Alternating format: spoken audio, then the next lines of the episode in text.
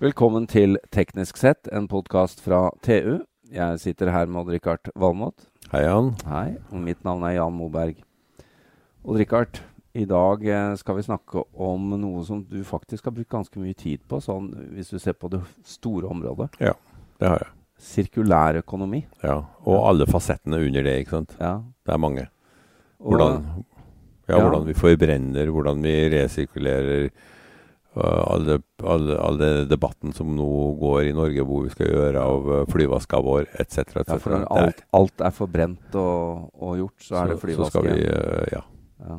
Det er én del av det. Det, det Vi har eh, skip som havner på strender i Asia, som skal deles opp. og vi har plastikk som skippes verden rundt, ikke sant. Ja. Og så liker vi å tro da, at vi i Norge er veldig flinke på dette her. Vi holder i hvert fall Norge rent, det skal vi ha. Men vi eksporterer jo en del eh, Det viser nasty seg. things. Og noen ganger så får vi kanskje best eh, hjelp til å forstå oss selv ved å bringe noen utenfra. Mm. Og eh, For vi vet dessverre ikke alt, Jan. nei, og Det vi er har en synd. kapasitet med oss i dag. Vi må bytte til engelsk. Det må vi. Ja. Uh, after this introduction, uh, Jim, Yes. uh, which you probably didn't get so much of, but it was a nice introduction oh, to I the bet. topic. Thank you. And I have to introduce you, Mr. Jim Puckett. You are director and founder of Basel Action Network. Yes. And uh, we just talked about here that we think that we Norwegians are really good at handling our waste. And uh, you're not so sure of that, I understand. Well, I'm not so sure anybody is, so don't feel uh, slighted here. uh, Norway's probably doing a better job than most parts of the world. Most parts of the world don't know that certain wastes are very hazardous, and so they just treat them like anything historically. They've been burning, for example, for years. So I travel the world and I see what happens to our waste, and I go to places in Africa, and they're all burning the plastic, Yeah. and they're burning Not a good solution. burning our plastic sometimes, Yeah. and same within Asia. So th- these things have happened historically, and they still happen. So every time we produce something, we should assume that it might get burned somewhere in the world. In this in this day and age, with trade and uh, waste moving around borders across the world. That's that's come to our ears that waste has been an international trade for quite a long time, Yeah. and uh, the media is focusing on that now. And and China recently stopped importing Yes. plastics, And this was and they probably uh, that doesn't help internationally very much because it pops up somewhere else. exactly. But what happened? It was uh, dramatic because everyone had gotten used to China serving the function of a black hole, and uh, the waste would just go away to this magical place called Away, which was actually parts of China. On container ships. Yeah, exactly. And all of the municipal waste from North America and a lot of it from Europe, a lot of it, I'm sure, from Norway, ended up on those container ships, went straight to China. And nobody really knew or thought to look of what was going on there with that waste.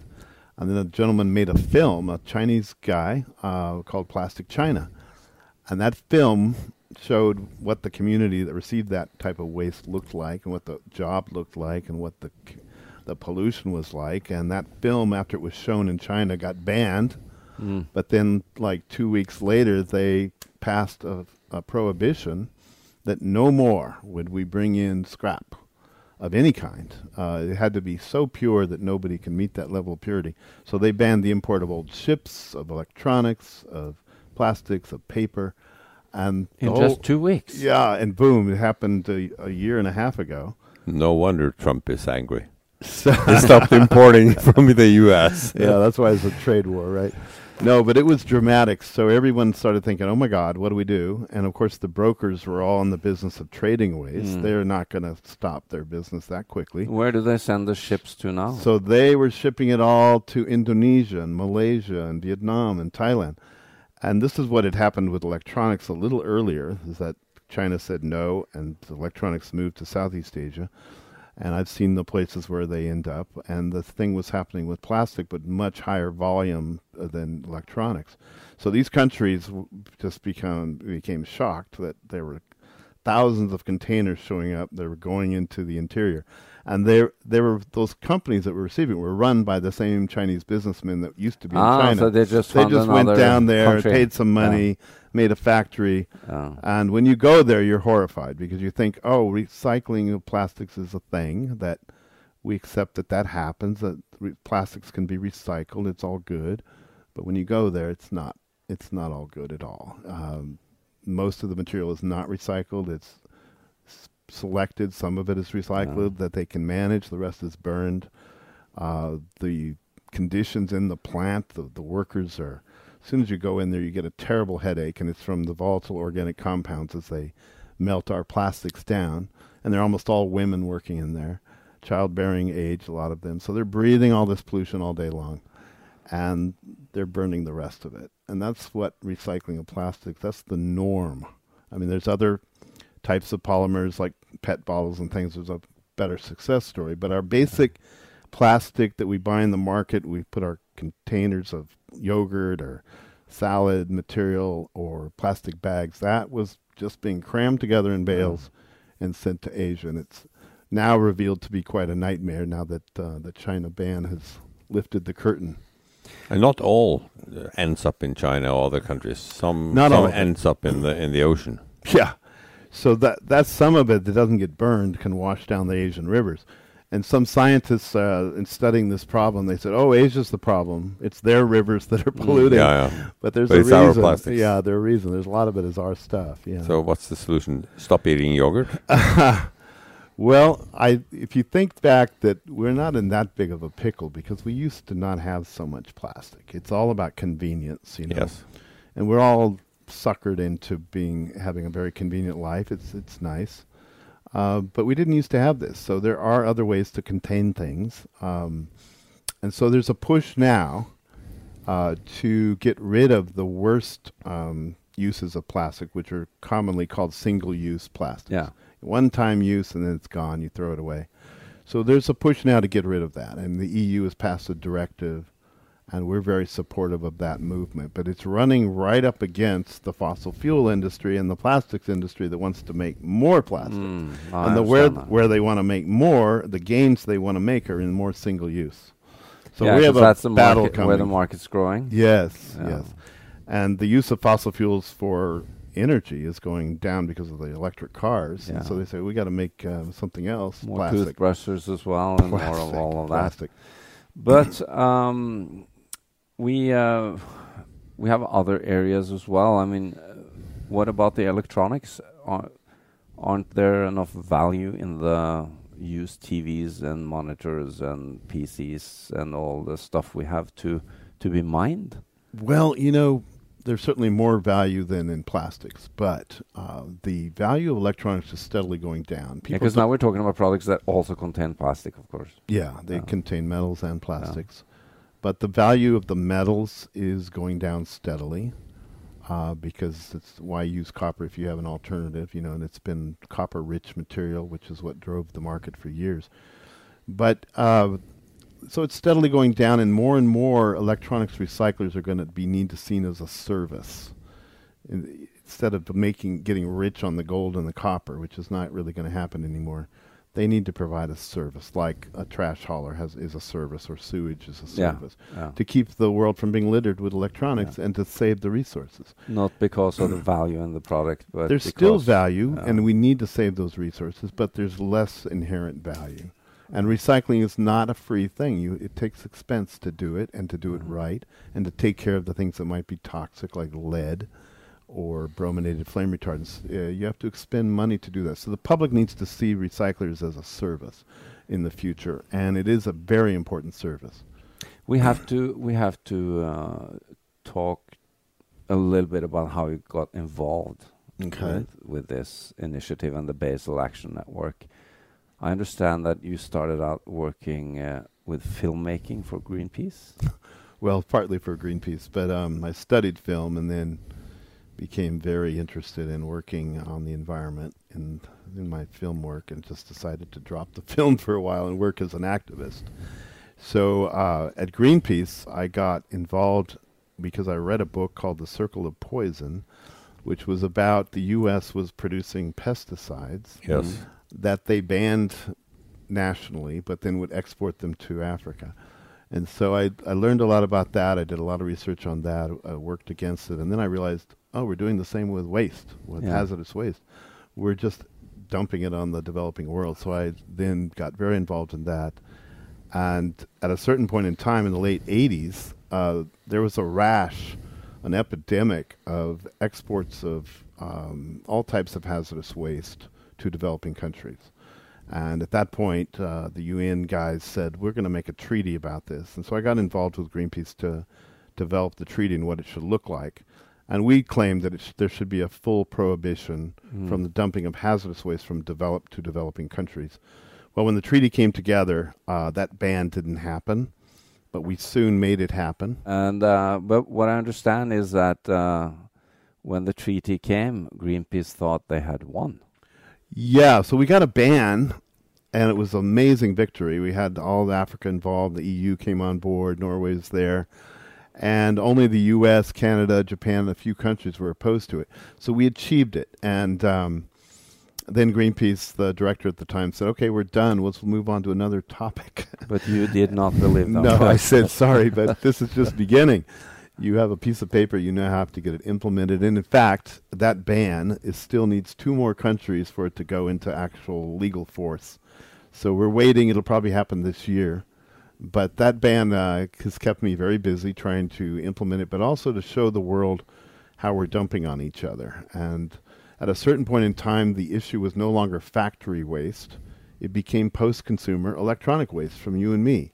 So our old computers and our old phones uh, and printers and, and CRT monitors and LED And you- monitors. We have so many of those. all of that stuff was, I mean, so much of it was being exported. When I first started on it, 80% of the U.S. e-waste was going to China. Mm. And we discovered that. We were the first ones to go to China and photograph what that scene looked like in Guangdong province. And then we went a few years later to Africa and saw the same thing happening in Nigeria and Ghana. So we've been tracking waste for a long time, and most recently we've been using uh, GPS technology to do that. And that's been a game changer because um, So you stick uh, GPS trackers inside uh, electronic yeah, equipment and then we'll take it to a so-called recycler and, and see what happens. sit back and watch the So monitor. You're kind of a waste spy. yeah, it's very entertaining, uh, Well, but what kind of shocking. It's uh, we've seen stuff move and very precisely, so we can name the names of the companies involved, Ah. and we did so. People said you're going to get your asses sued and you're going to end up in court uh, for libel and slander, but we did it anyway, and we have not been sued um, successfully. so we were able to show all the names, and so large customers of recyclers, they're not going to use a company that we've found to be exporting. And in no, fact, so when you go back to, for, for example, Samsung or Dell, or do, they, Mhm. do they listen to you? oh yeah. In fact, Dell and Samsung now are our customers. We do their tracking for them. Ah, So we have a, a commercial service called Earth Eye, which you can go to eartheye.org and you can read about our service. So we we've gotten really good at tracking, so we thought we might as well offer it to the industry for their own downstream due diligence. And and Dell was our first uh, customer of any size, and then Samsung has followed. And we have a lot of recyclers in the U.S. that are using it as well. But it's it's it's a it really is a game changer because you would be amazed how much cheating was going on. We have a, a certification program ourselves for good recyclers, for ethical recyclers that don't export, and we were able to catch one of ours that Mm. was like a model company mm. just blatantly cheating. And we published that and said they're out of our program and this is why, this is what happened. And then the federal government of the U.S., even though they don't have good environmental laws, they jumped on that company as well for fraud yeah. Because they said you had advertised that you never export and your Mm. customers were the state of Washington and the city Mm. of Seattle. So those guys are in jail right now. really? 28 months each were sentenced this this year. You don't need uh, GPS trackers on them then. No, maybe so. But uh, you talked to a lot of politicians and Yeah. uh, influencers. W- what kind of advice would you give people, maybe here in Norway? What what should we do? Promote the circular economy, but realize it will only be achieved if you can cut off all those negative externalities that are possible, like environmental crime export, and you punish it enough that it's a deterrent. Mm. And then you close that off and you can start doing really important things in that circular economy. Don't be timid. You're going to have to ban certain things. You're going to have to go up against large corporations. So the fossil fuel industry is going to be at war with all of the politicians that are saying, no, we got to use less plastic. I don't know who's going to win that war, but it's started. And it's a powerful fight. I don't. I, I think what's going to happen is they're going to start saying we're going to incinerate it all or Mm. some kind of chemical type of making fuel and burning it because that's the easiest way for the industry uh, because the recycling physical recycling is to do it right and not do it in asia but to do it right would be so expensive to get rid of all the emissions and to deal with all the additives that are in plastic so i think that the practical solution for industry will be to say we're going to make energy by burning plastic but the problem there is that you're you're up against the climate issue Right, you're releasing a lot of bad Oh. stuff. co2 Yeah. But but ultimately, it is us, the consumers, that can drive this. yes And uh, I mean, we have seen, uh, if you look at the electronics industry and, and, and others, we have seen Apple when Amazon ships things that, that you know the use of plastics is going Sure. down. yeah Um, No, people are getting aware to use less single-use yeah, plastics. so there should be a big upside for the companies that can make a good. Uh, yeah, and th- if we can incentivize more of that Yeah. happening, it'll accelerate it. mm, But the the the, t- the the interesting thing is on the other side of the equation is a massive industry that wants to expand, and in the U.S. right now, they've been doing fracking, which is to get yeah, yeah. and they've been a- able to be very successful at getting natural gas they didn't know was there before. Mm. They didn't know how to get to it. And that natural gas they have to use now. And the perfect way to use it is to make it into ethane. industry, is that? Ethane is what makes polyethylene. Yeah. And so they're saying, oh, we have to get rid of this now because we've pulled all this natural gas, which is ethane, not so much methane, it's ethane. And that is the only solution to getting rid of it. It's almost like a waste problem itself now, is to make more plastic. And so they're saying, where can we expand plastic usage? And it's all single use, a lot of it in the developing world. hmm How much of the plastics are single use? We, you know, I don't know the exact figure, but I've been told it's more single use now than durable use. Really? Yes. So you That's think of all the bags, all the packages, Yeah. all the stuff in the market? Um, you go on an airplane, just think how many airplanes fly and how many people every day, all that plastic. It's just um, amazing volumes. You know, when when you recycle things in Oslo, uh, the the the the, st- uh, the city will give you plastic bags, green. oh, the, are they compostable? they will be combusted in eventually. Oh, yeah. But you put uh, organic food in, in green, and you put plastics in blue, and the rest you put in an ordinary shopping Yeah, plastic yeah. bag. So all these three fractions are contained in plastic bags, Yeah. and they go into the system. In the system being So an and- and the incinerator, right? Incinerator, yes. Uh, yeah, I think Norway. I mean, incineration is not going to work for the whole world. It's, it'll work for a rich country that can really take care of the residues and the dioxin that the incinerators create. But you're not going to be able to spread that technology worldwide uh, and have it be safe Because it it's costs much. expensive. You should see what you are paying for those incinerators. Yes. Yeah. So uh, that has been uh, used. I think there are healthier ways to deal with it um, in the long term, and, and a lot of those have to do with turning off the tap. We're not going to make so much Mhm. plastic anymore. It's not. Uh, circ- it doesn't have a circularity component that makes it have sense. Uh, everything in the future is going to have to be designed to be properly recycled, But that is safely happening, recycled. At, yeah, at least partially. but not for plastics. Plastics has gotten a free ride, Mm. and now the spotlight is on it. Mm. They got a free ride because China was hiding it all, but Yeah, yeah, and then of course now when things are happening in the oceans and all of that, it's got a lot of attention. Yeah. Exactly. Um, Jim, we uh, we'd love to hear more, but we we're on the time limit here. Okay, it's been a Um, pleasure. With what about self-containing yogurt? I mean, that's that's, that's a way off, isn't it? What is it? Self-containing? Yogurt. I've never Yeah. heard of this. No, What is where, where it has to be invented. It's it on a? right. Hard yogurt shell on the outer layer. well, um, we uh, we wish you luck in your work, and we'd love to catch up with you uh, sometime and uh, and see what's what's happening. Uh, we also, Uh, of course, know that Norwegian ships are being sailed down to the Asian shores, yes.